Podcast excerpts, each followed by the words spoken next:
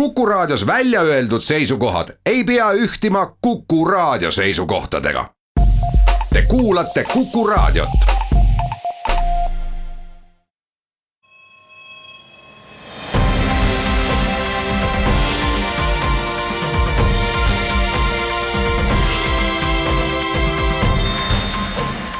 Buum.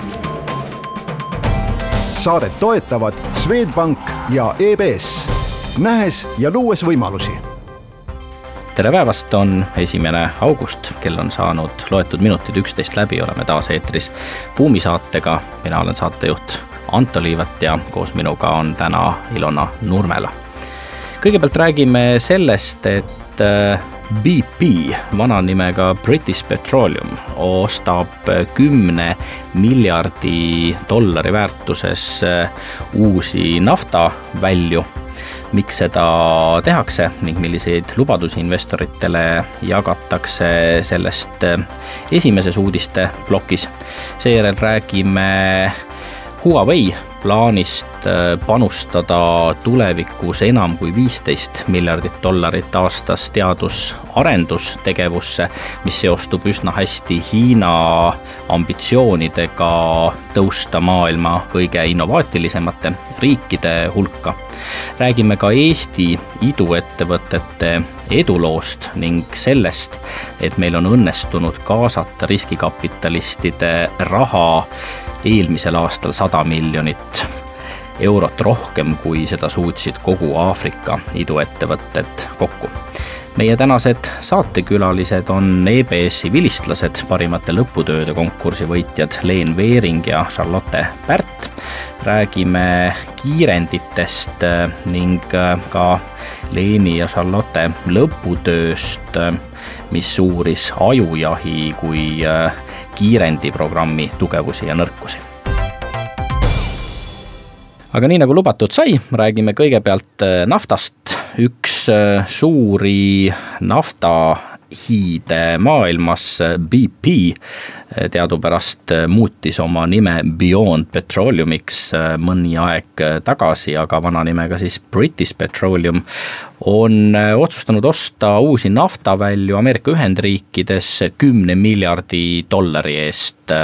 kui lugeda nende äristrateegiat ja majandusaasta aruannet, siis äh, on näha, et tegemist on kõige suurema ostuga ettevõtte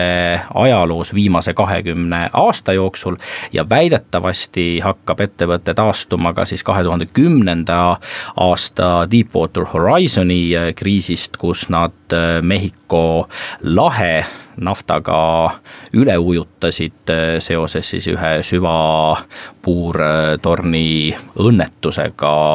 välja on neil tulnud käia erinevate trahvide ja, ja kompensatsioonide ja koristustööde tõttu tõttu kuuskümmend viis miljardit dollarit, päris muljetavaldavad numbrid. no nad siiamaani maksavad seda selles mõttes, et ma ei tea, kas on, kas saab öelda, et nad on päris välja tulemas sellest eh, oil spill'ist, aga aga ausalt öeldes see Beyond Petroleum, ma arvan, et jääb kõikidele praegu suhteliselt võõraks, et ikkagi kõik kutsuvad neid British Petroleumiks, nii et kui nad nüüd põlevkivi välja omandasid äh, ja tegelikult ei liigu sinna roheluse poole, nagu nad lubasid siis äkki nad peaksid jälle rebranding'u peale mõtlema, Masin. nojah, nagu me siin ka Eesti uudiste valguses teame, see rebranding ähm, või nimevahetus on ka üsna kulukas äh, lugu ja tõesti, investorid ju äh, suruvad traditsioonilisi naftaettevõtteid äh, muutuma ja panustama rohkem kaasaegsetesse tehnoloogiatesse ja, ja noh, kogu selline BP bränd on muutunud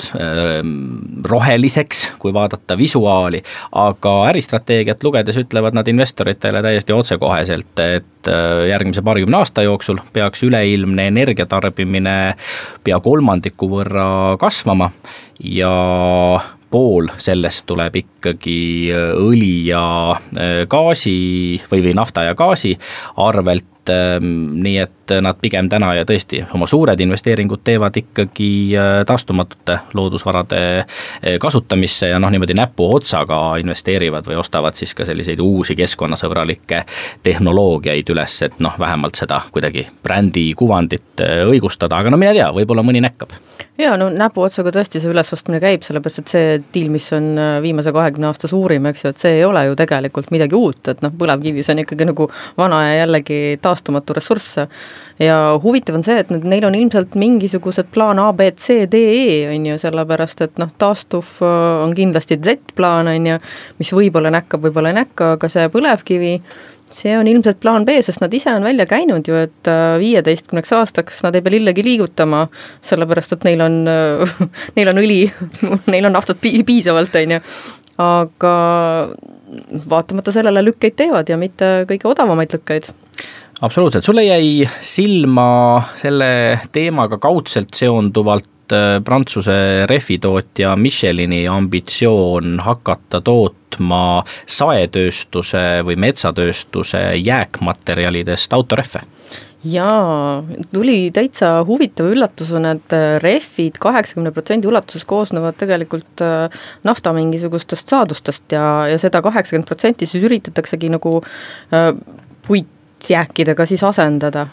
ja nad ise on huvitaval kombel välja käinud, et, et see rehv peaks siis olema äh, kui mitte väga kaua mängiv, siis, siis nagu peaaegu et indestructible ja forever lasting, ehk siis nagu ta ei hävinegi. aga ma ei tea, ma nagu natukene jääks selle peale mõtlema, et kuidas nad siis protsessivad selleks, et äh, see valdavalt puitrehv siis ei hävine. no juba kahe tuhande kahekümnendal aastal peaks siis esimesed äh, puitrehvid välja tulema, ei ole jäänud ülemäära kaua aega oodata. aga tõesti nähakse seda ühe osana pikemast plaanist hakata igavesi rehve tootma, äristrateegiliselt tundub see üsna üllatav, see oleks noh, midagi umbes sellist, äh, et Gillette hakkab tootma raseerijaid, mis ei äh, nüristu või või, või ähm, noh, tegelikult laseks endale ju piltlikult öeldes jalga, sest kes see ikka enam siis uusi rehve ostab või järgmisi rehve ostab, kui, kui vanad ikka kestavad. no aga võib-olla see on ka mingisugune plaan B, C või Z on ju, sellepärast et kui sa mõtled, et äh, hea küll, et BP ei pea viisteist aastat ostma ühtegi nafta välja, aga aga nad ise on kaks tuhat neliteist välja käinud, et äh, kogu maakera ehk siis globaalsed nafta, naftaväljad äh, kestavad veel viiskümmend kolm koma kolm aastat ja ma arvan, et kaks tuhat neliteist nad ei arvestanud võib-olla selle mm, kiire kasvuga, mis meil nüüd siis äh, elanikkonnas toimub, on ju, ehk siis eksponentsiaalse kasvuga, et võib-olla, võib-olla toimub see häving isegi kiiremini ja võib-olla Michelin ei olegi nagu nii, nii äh, mm, äristrateegia vaenulik, vaid neil on lihtsalt uus äristrateegia BP äh, poole pealt veel üks uudis äh, selle kohta, et nad ostsid ju hiljuti Suurbritannia suurima elektriautode laadimise ettevõtte, nii et noh, kindlasti püüavad ka sellisest tõusvast äh, trendist jälle omal moel osa saada, sest küllap elektriautod, noh siin tänu Teslale, aga kindlasti Tesla kiiluvees üha populaarsemaks muutuvad. Ma isegi mõtlen, et kas huvitav on, kas me näeme selliseid ühinemisi just nagu elektriautode arendamise poole pealt, et kõik need BP-d ja, ja kõik muud, kes on näpuotsaga selliseid tulevikutehnoloogiaid ja ja alternatiivtehnoloogiaid üles ostnud, et kas nad omavahel hakkavad koostööd tegema selleks, et pakkuda Teslale konkurentsi, et pakkuda, pakkuda tulevikule konkurentsi? nojah, koostööd äh, tavaliselt äh, tehakse siis, kui seda on äh, vaja, eriti selliste suurte hiidude puhul, täna nagu on toormaterjali enam, enam ei ole, millest teha, siis äkki on vaja. aga noh, täna on maailma majanduses head ajad ja mulle tundub, et pigem kõik üritavad täna veel ise hakkama saada. Ehm, tuli ju värske uudis Ameerika Ühendriikidest, kus majandus on kasvanud üle ootuste hästi, neli protsenti, Donald Trump kirjutab selle muidugi kõik isikliku likviidsuse kontole, mis on täiesti ootuspärane. aga niikaua, kuni majandusel on head ajad ja ettevõtetel eh, reserve koguneb, noh küllap niikaua on võimalik ka teadus-arendustegevusse jõudsalt eh, panustada, sellest kõigest räägime täpsemalt juba pärast reklaamipausi.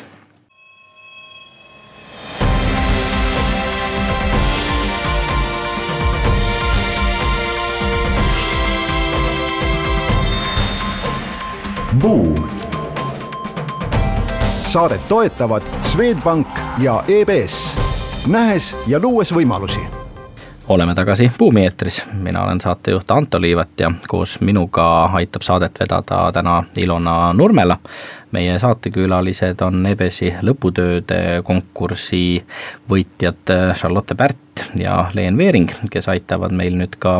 järgmisi uudiseid ähm, kommenteerida. tegime ennist otsa lahti innovatsiooni teemadega, rääkisime ka eelmise nädala buumis, et Hiina on jõudnud maailma kahekümne kõige innovaatilisema riigi hulka ka ja nüüd tulebki uudis äh, Huawei'lt, kes lubab äh, kahe tuhande kahekümnendaks aastaks äh, suurendada oma teadus-arendustegevuse eelarve viieteist kuni kahekümne miljardi dollarini, mis on samas suurusjärgus nagu tänastel innovatsiooniliidritel Amazonil, kes siis kulutas kakskümmend kolm miljardit eelmisel aastal või, või Apple'il, kes siis kulutas, vabandust, Google'il Google'il, kes kulutas äh, seitseteist äh, miljardit, nii et äh, hiinlased punnitavad kõvasti no tundub jaa, et mitte ainult Huawei, vaid kogu Hiina noh, nii nagu juht ja pealik viimasel kongressil ette ütles, et siis innovatsioon on üks põhilisi asju, kuhu panustatakse ja kuhu tuleb panustada, siis nad kõik rühivad selle poole. aga mõte, mõte on nagu selles, et kui Huawei iseenesest selle arenduse peale ise on välja käinud sellise numbri nagu nelikümmend viis protsenti nende, nende töötajatest töötab arenduses, siis tekib küll küsimus, et aga kuidas siis sellisega konkureerida, et mida teised peavad nagu maailmas teisiti tegema, et et eluiga pikendama, ma ei tea, oma tööjõudu kuidagiviisi teistmoodi kaasama see on, see on huvitav jah, et noh, Hiinas ei ole inimesed äh, loetud ja, ja tööjõudu neil ikkagi jagub. samal ajal tõesti jagub ka raha ja, ja, ja mõeldakse äh, selgelt äh, paar sammu ette, Huawei investeeringute kaudu teadus-arendustegevusse püütakse siis ennekõike 5G äh, mobiilside standardit Eh, luua, eh, arendada, noh ka Nokia, Samsung, Qualcomm, eh, teised on sellesse valdkonda panustanud, sest 5G peaks looma keskkonna, kus saavad toimida targad linnad ja kodud ja, ja erinevad robootikalähendused, asjade internetilik värkvõrk, telemeditsiinilahendused ja nii edasi ja nii edasi. aga see teiselt poolt muidugi kätkeb endas jälle ka teatud julgeolekuriske, millele on juba tähelepanu juhitud, Äh, mõtleme jälle sellesama kakskümmend kakskümmend äh, Hiina riikliku usaldusreitingu kontekstis äh, ka sellise mobiilside standardi üle kontrolli omamine tegelikult aitab samuti andmeid koguda, hallata ja noh, sellist riiklikku kontrollisüsteemi rakendada. No kui meil on ammu see külma sõja asemel nüüd innovatsioonisõda, eks ju, siis jaa, julgeolekukaalutlused on oluline, aga oluline on ka suure tõenäosusega hakata asju teisiti tegema, sest hea küll, üks, üks mu väga hea tuttav on äh, väga kurja naljana öelnud, et äh, kui panna kolonn hiinlasi järjest merre äh, marssima ja kogu nagu riik niimoodi üksteise järel, et et ega siis ei saabu seda aega, kui kui mander tühi, sellepärast et neid sünnib nii palju juurde, mis tähendab seda, et noh, teised ja isegi nagu naaber India on, on sundviskes, et tuleb hakata midagi teistmoodi tegema, sest hiinlased ise, nii palju kui mina seda kultuuri tean, on hästi tulemustele orienteeritud ja Indias nemad on jõudnud järeldusele, et jaa, me oleme ka, aga inimestel tekib läbipõlemise oht, tekib stress ja nad, nemad on juba praegu aru saanud, et nad tahavad teisiti asju teha. ja sealt tuleb ju kogu see Mind Valley ja mindfulness kontseptsioon, mis ka meil on jõudnud koolidesse vaikuse minutite näol jah, kui siit nüüd edasi minna koolide ja ettevõtluse teemade juurde, siis äh, ühelt poolt on meie selline startup ettevõtete edulugu muljetavaldavalt äh, võimas, eelmisel aastal suutsid Eesti ettevõtted riskikapitali kaasata võtta saja miljoni euro võrra rohkem kui kogu Aafrika idud äh, kokku. selle aasta kuue kuuga on Aafrika riikides loodud idud äh, suutnud äh, juba eelmise aasta tulemuse ületada. ehk siis kogunud kokku seal sada seitsekümmend miljonit dollarit, aga meie oleme juba kakssada viiskümmend peaaegu kokku saanud, nii et noh, selge, et sellest sada viiskümmend miljonit on Taxify, noh eelmisel aastal oli, oli Trans-. TransferWise see, kes väga olulise panuse andis, aga ehm, äge, äge lugu ikkagi, nüüd kui võrrelda seda kõike sellise õnnelikustemaatikaga, siis äh, üldiselt on maailma kõige tugevamad startup kogukonnad riikides, äh, kes on ka õnnelikkusindeksite tipus. Eesti on siin üks suur anomaalia, me teame, et elaniku kohta luuakse meil iduettevõtteid ebaproportsionaalselt äh, palju, me oleme maailmas vist vist Iisraeli järel lausa teisel kohal, samal ajal õnnelikkusindeksi järgi viimastel andmetel oleme me alles äh, kuuekümne kolmandal kohal maailmas äh, Venemaast ja Kasahstanist tagapool ja napilt Kosovost, Turkmenistanist äh, ees. Leen Charlotte, kuidas teile tundub, et kas sellist õnnelikkusõpet peaks koolides rakendama kas või selleks, et meie ettevõtluse edulugu jätkuks? ma arvan, et kindlasti peaks, aga jah, selle startup'i teema koha pealt, et meil läheb tõesti palju praegu vägagi hästi. et äh, täna tuli üks väga põnev artikkel välja Startup Estonia poolt ja nad on siin sellise väikse statistika kokku löönud ja ütlevad, et selle poolaasta jooksul on meil Riigikassasse töö ja tööjõumaksudena laekunud juba kakskümmend koma kaheksa miljonit eurot, siis ainult äh, startup äh, ettevõtetelt, mis on siis äh, kahekümne viie protsendine kasv eelmise aastaga võrreldes. Et eelmisel aastal samal perioodil oli see summa näiteks kuusteist koma kuus miljonit ja öeldakse veel ka seda, et siis äh, startup valdkonnas äh, loodavad töökohad on siis palju nii-öelda väärtuslikumad ja makstakse kõrgemaid makse või makstakse kõr-, kõrgemaid palke ja ka selle arvelt see summa on ka suurem. on teil mingisugune oma hüpotees selle kohta, miks äh, õnnelikumad inimesed suudavad selles startup maailmas või ettevõtluses paremini läbi lüüa?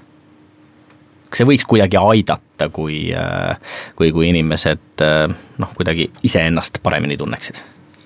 kindlasti aitab, aga ma arvan, et seal on selline väikest käärid, et kui sa ennast jällegi liiga mugavalt tunned, siis sa ju, et ei tasu nagu loorberitele puhkama jääda, et ma arvan, et võib-olla praegu see on ka selleks äh, mis siin Eestis on nagu rattad käima pannud, et äh, inimesed nagu väga ikkagi jätkuvalt otsivad neid lahendusi ja nutikaid lahendusi, et äh, miks võib-olla meil üks mees teeb praegu sama töö ära, mis Hiinas sada meest, aga jah, kindlasti on, on selle õnnelikkuse peale vaja väga palju mõelda. Aga kas küsimus on siis õnnelikkuses, küsimus on asjade teisiti tegemises, sest kui mõelda selle peale, mida nendes tuhandes India koolis üritatakse õpetada, on ju, ja kui mõelda selle peale, mis siis nagu need õnnelikkusotsingud meil viimased viisteist, kakskümmend aastat on olnud Eestis, on ju, ja oleme kaugel kuuekümne kolmandad, aga aga oleme ka alles hiljuti alustanud, siis tegelikult mida, mida nagu kogu, kogu selle asja mõte on selles, et sa, sa paned tähele ennast, sa paned tähele seda, mis su ümber toimub, toimub situatsiooni. sa paned tähele teisi, teiste reaktsiooni, sa haldad paremini oma emotsioone. ma ei oska, ma, ma ei oska eesti keelt, eesti keelde nagu seda mindfulness'i panna, aga see tegelikult on, ta ei ole tähelepanelikkus, vaid see on kõige huumamine ja enda ja, ja otsustamine, kuidas teisiti asju teha, reageerida, sinna tuleb juurde ju ka kogu see probleemi lahenduslik pool, on ju. koos oma emotsioonide haldamise pool tuleb ju ka see õnnelikkus ja nii edasi, ehk siis nagu küsimus ei ole ainult nagu selle õnneotsingutes, mis on kõikidel ja forever olnud kogu inimkonna vältel, vaid küsimus on selles, et muutunud tingimustes, kuidas ma midagi teisiti teen ma arvan, et äkki see mõtestamine või võib-olla mm -hmm. võiks seda kuidagi tõlkida, aga ma ei tea, mina olen küll väga palju märganud, noh, seda võib ju kogu sellest elustiilist, mingid joogad, kõik asjad, mis nagu Eestis on viimase viiekümne aasta jooksul ikka väga nagu suuresti pead tõstnud, et äh, see on ju kõik äh, absoluutselt väga tore, kui inimesed mõtlevad äh, nii oma tervisele ja heaolule ja noh, ongi just selle kõige mõtestamisele aina rohkem ja rohkem. ja tasakaalule ka, sest see on see, mida, mida suure tõenäosusega otsitakse, et kui, kui ma suudan tööd tublilt teha, siis selleks, et mitte läbi põleda, peab olema mitte lihtsalt nagu töö ja eraelu tasakaal, vaid üleüldse ma pean ennast hästi tundma selleks, et midagi kihvti nagu ära teha. et loov olla, et, et midagi innovaatiliselt luua, eks ju. just, just, noh ilmselt varem selle peale nagu nii palju ei mõeldudki, et äh, püüti nii palju äh, tunde tööd selle kahekümne nelja tunni sisse pressida, kui vähegi võimalik, aga jah, tundub, et inimesed on ikkagi hakanud aru saama, et äh, päris palju asju on veel kuulame nüüd ära päevauudised ning seejärel jätkame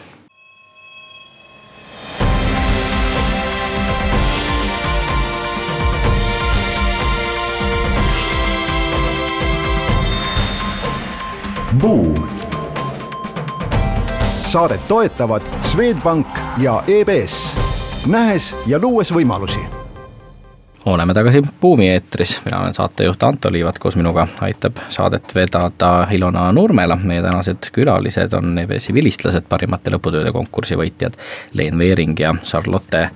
Pärt, kes kirjutasid oma lõputöö teemal ajujahi kiirendiprogrammi kasulikkus äriideede kujundamisel tegutsevateks ettevõteteks. Me rääkisime siin ennist äh, Eesti iduettevõtete edulugudest. ajujaht on kindlasti kõige tuntum ettevõtluskonkurss, aga nad ise määratlevad ennast ka kiirendiprogrammina. mida ja kuidas teie uurisite ja, ja, ja miks te seda teemat uurisite või miks see teile huvi pakkus? Me tegelikult valisimegi just ühe konkreetse osa pigem äh, sellest ajujahist, mis äh, on arenguprogramm ja seda tõesti võib määratleda kui osalust mittevõtva kiirendiprogrammina. kuna sellel on siis äh, kiirendiprogrammi tunnused, see on olnud viimase viie aasta lugu tegelikult, kui need kiirendi tunnused sinna lisati ja spetsiifiliselt uurisime siis äh, selles osalenud äh, meeskondi, et äh, toimub kindel areng tegelikult saate ja selle programmi jooksul, kuid me siis soovisime teada, mis saab neist edasi. Et kas nad tegutsevad edasi, mis nad teevad mm, -hmm. kuidas neil pärast saadet siis läinud on ja samas ähm, tahtsime nende käest ka teada, et äh, kui väärtuslikuks nad hindavad ühelt poolt ajujahi siis toetust ja teiselt poolt, et äh, kuidas nad hindavad äh, enda panust ja olulisust nende siis edus või ebaedus. Kui hästi siis nendel meeskondadel, kes on ajujahi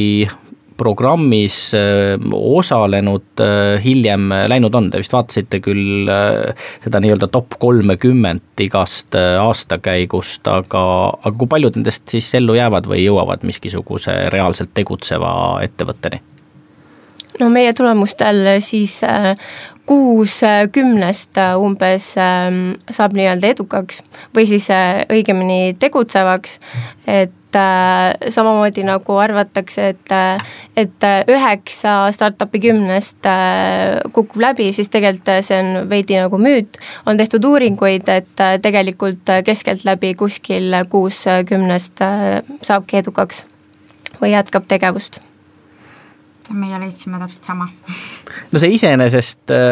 näitab ju, et ajujahi programm on väga Äh, tulemuslik, aga võib-olla me võime küsida ka hoopis teistpidi, et need äh, tiimid, kes on sinna top kolmekümne hulka igal aastal jõudnud, ongi lihtsalt juba nii tublid ja võimekad, et nad tõusevad lendu hoolimata ajujahiprogrammist no tegelikult kiirendi mõte ju ongi see, et äh, toetada pigem, mitte siis nende meeskondade eest ju seda äriideed ellu ei vii, et meeskond ise peab äh, saama hakkama. samas, äh, kui me küsisime seda neilt otse, kui ka siis äh, ajujahi are-, arenguprogrammi ja üldse ajujahi tiimijuhi Harri Tallinna käest, siis tema ja meeskonnad arvasid, et enamus saaksid ilmselt ka ise hakkama ja ise toimi-, toimiva ettevõtte luua, kuid on ka mõned üksikud, kellele ajujahi see toetus mängib väga suurt rolli okei okay,, aga kui mõned üksikud on see, kellele see väga suureks toeks oli kiirendina, ähm, siis kas teiste puhul see üldse aitas või nad oleksid äh, no matter what saanud äh, nii-öelda jalad alla või see, või nad oleksid siis saanud jalad alla hiljem? et kas te seda ka vaatasite? me uurisime, proovisime nagu kõike uurida mm, -hmm. aga jah, kuskilt pidi piiri tõmbama aga selles mõttes, et leidsimegi täpselt sama, nagu sa just ütlesid, et oli selliseid ettevõtteid, kes ütlesid, et tõesti nagu no matter what, et neil oli tore, et see oli nende jaoks võib-olla selline turunduskanal ja niisama selline huvitav kogemus, aga et nad oleksid ka niisama saanud edukaks aga ehk siis teadmised olid ennem olemas juba või, või just, omandati just, paralleelselt kuidagi? jah, näiteks mindigi ka veel nagu nii-öelda kliente, investoreid mm -hmm. otsima et see võis olla üheks põhjuseks, aga jah, et oli ka palju neid, kes ütlesid, et äh, omandati palju nagu ettevõtlusalaseid teadmisi ja üldse kõike muud. Kas te ise olete Ajujahi saadet küllap rohkem-vähem jälginud, et mis, mis roll või tähendus Ajujahi programmil laiemalt olla võiks? mit-, no kui me räägime mitte ainult nendest meeskondadest, kes seal paremate hulka jõuavad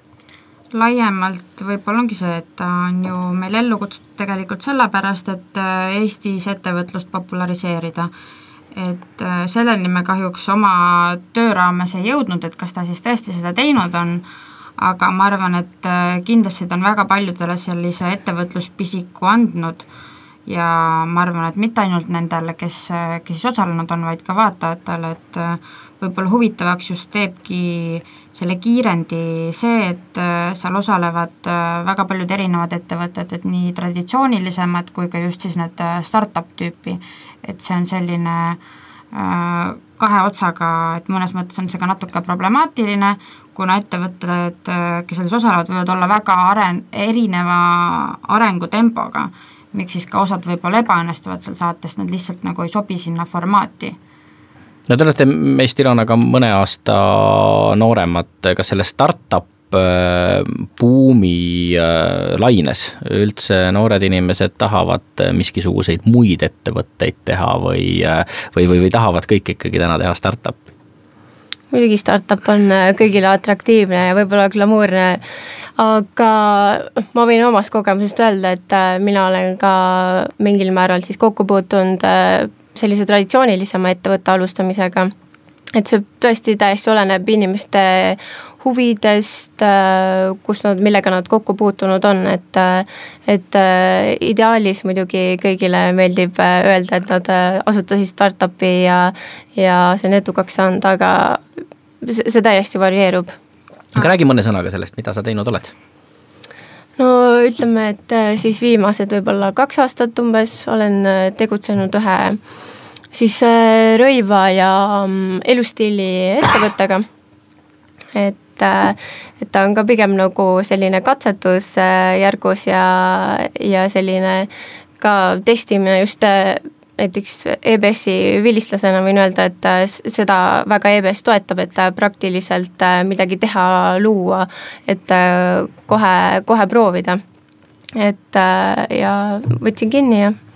proovisin ära aga selle vanuse koha pealt ma näiteks ütleks ära, et kindlasti mitte ainult nagu noored ei tegele selle startup indusega, et tegelikult ajujahi jaoks ka just see sihtrühm ei olnud just mitte noored, mingid ülikooliealised, vaid tegelikult just palgatöölised, niisugused äh, kolmkümmend, nelikümmend, kes on äh, tüdinenud oma palgatööst, samas neil on äh, võib-olla ilmselt kindlasti väga tugev oma valdkonna mingisugune teadmine ja nad tahavad sellest nagu ratast välja saada ja hakata mingit oma projekti tegema. et see on nagu nende põhiline siis sihtrühm, et see startup'i teema ei ole üldse mitte ainult noortele ja seda, selle kohta oli ju ka hiljuti üks uudis ka, et, et kõik need Facebookis ringlevad äh, success story'd, et et ma olen kakskümmend üks ja ma olen teeninud mitu miljardit, on ju, et et need on tegelikult sellised üksikud erandid, et äh, kui vaadata, siis jah, startup induses on pigem just need, kes on kogemusega, kes on kolmkümmend pluss, nelikümmend, need on need, kes läbi löövad, noh, kas või vaadata Jack Maad, eks ju, noh, täpselt samamoodi, et kes on äh, alustanud pärast neljakümnendat eluaastat äriga ja väga edukas kuulame nüüd ära vahepeal reklaamipausi ja seejärel jätkame.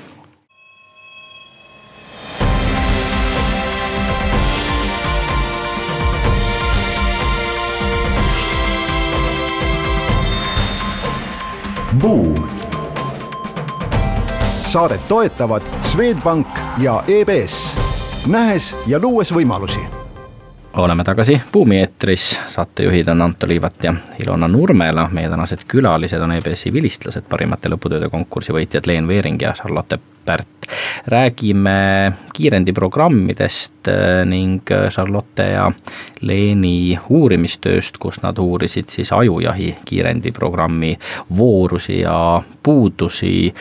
mis äh, teie hinnangul täna ajujahi programmis vajaka jääb või mis võiks olla paremini? no üldiselt, kui me uurisime osalenute käest, siis äh, hindasid nad äh, Ajujahi poolt kasutatavaid meetmeid äh, küllaltki kõrgelt.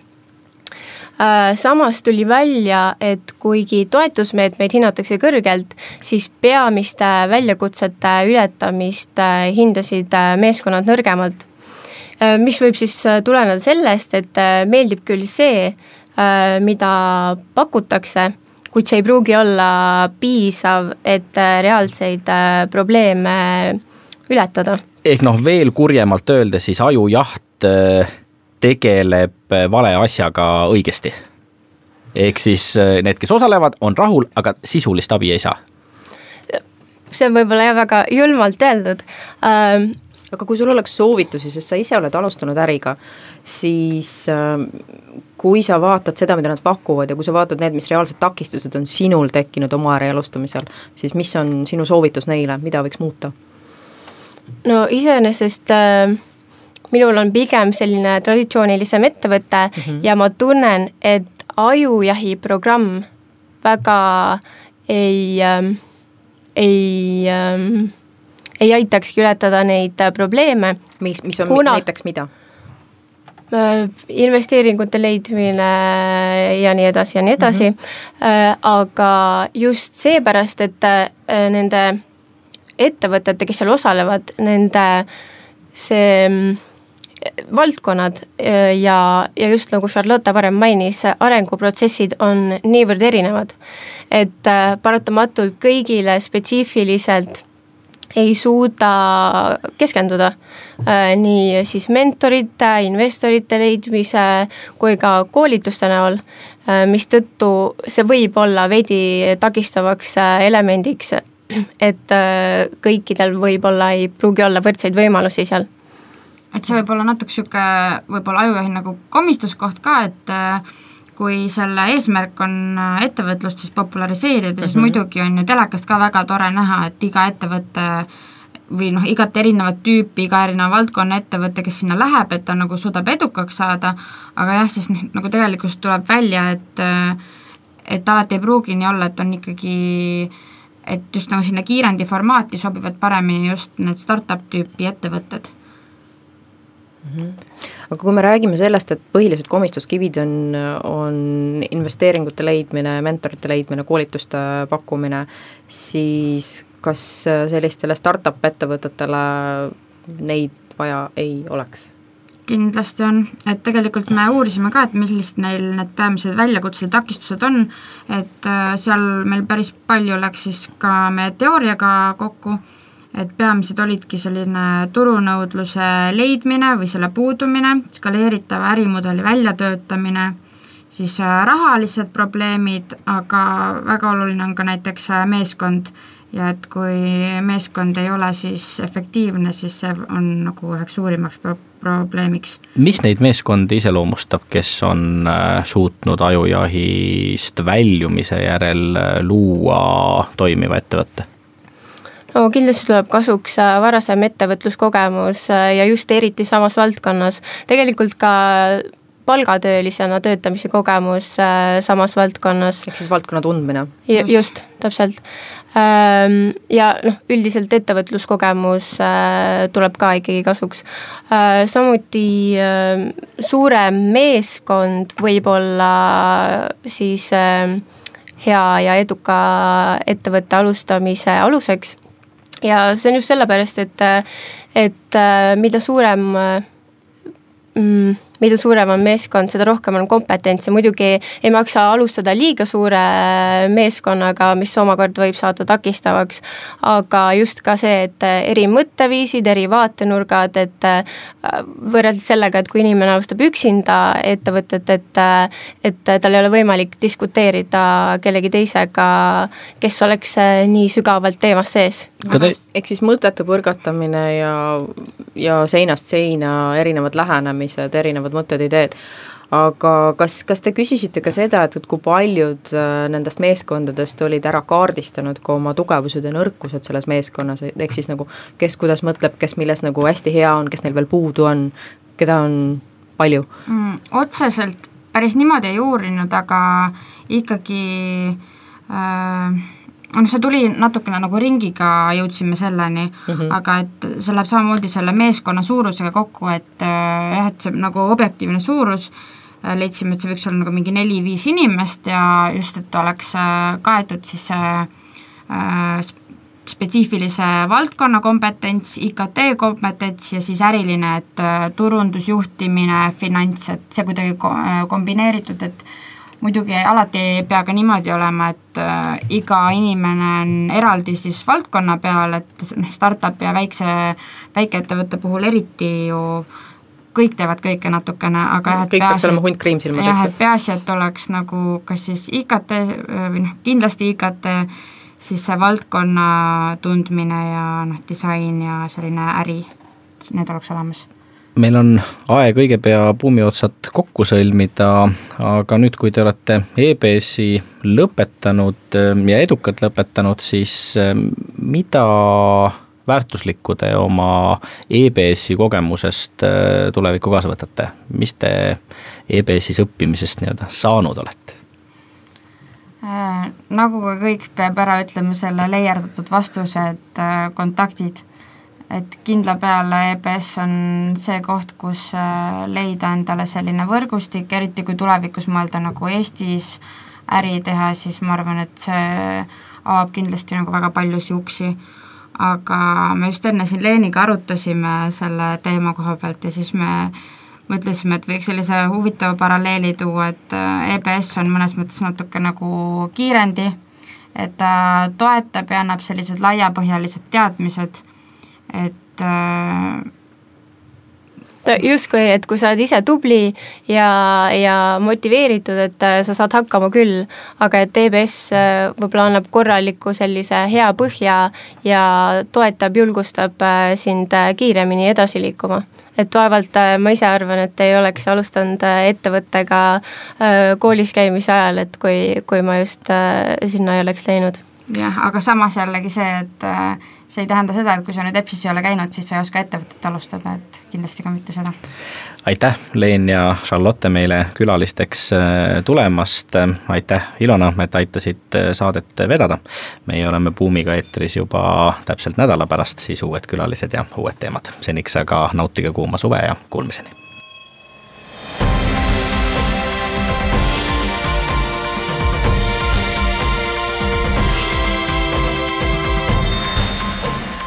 Buum. saadet toetavad Swedbank ja EBS, nähes ja luues võimalusi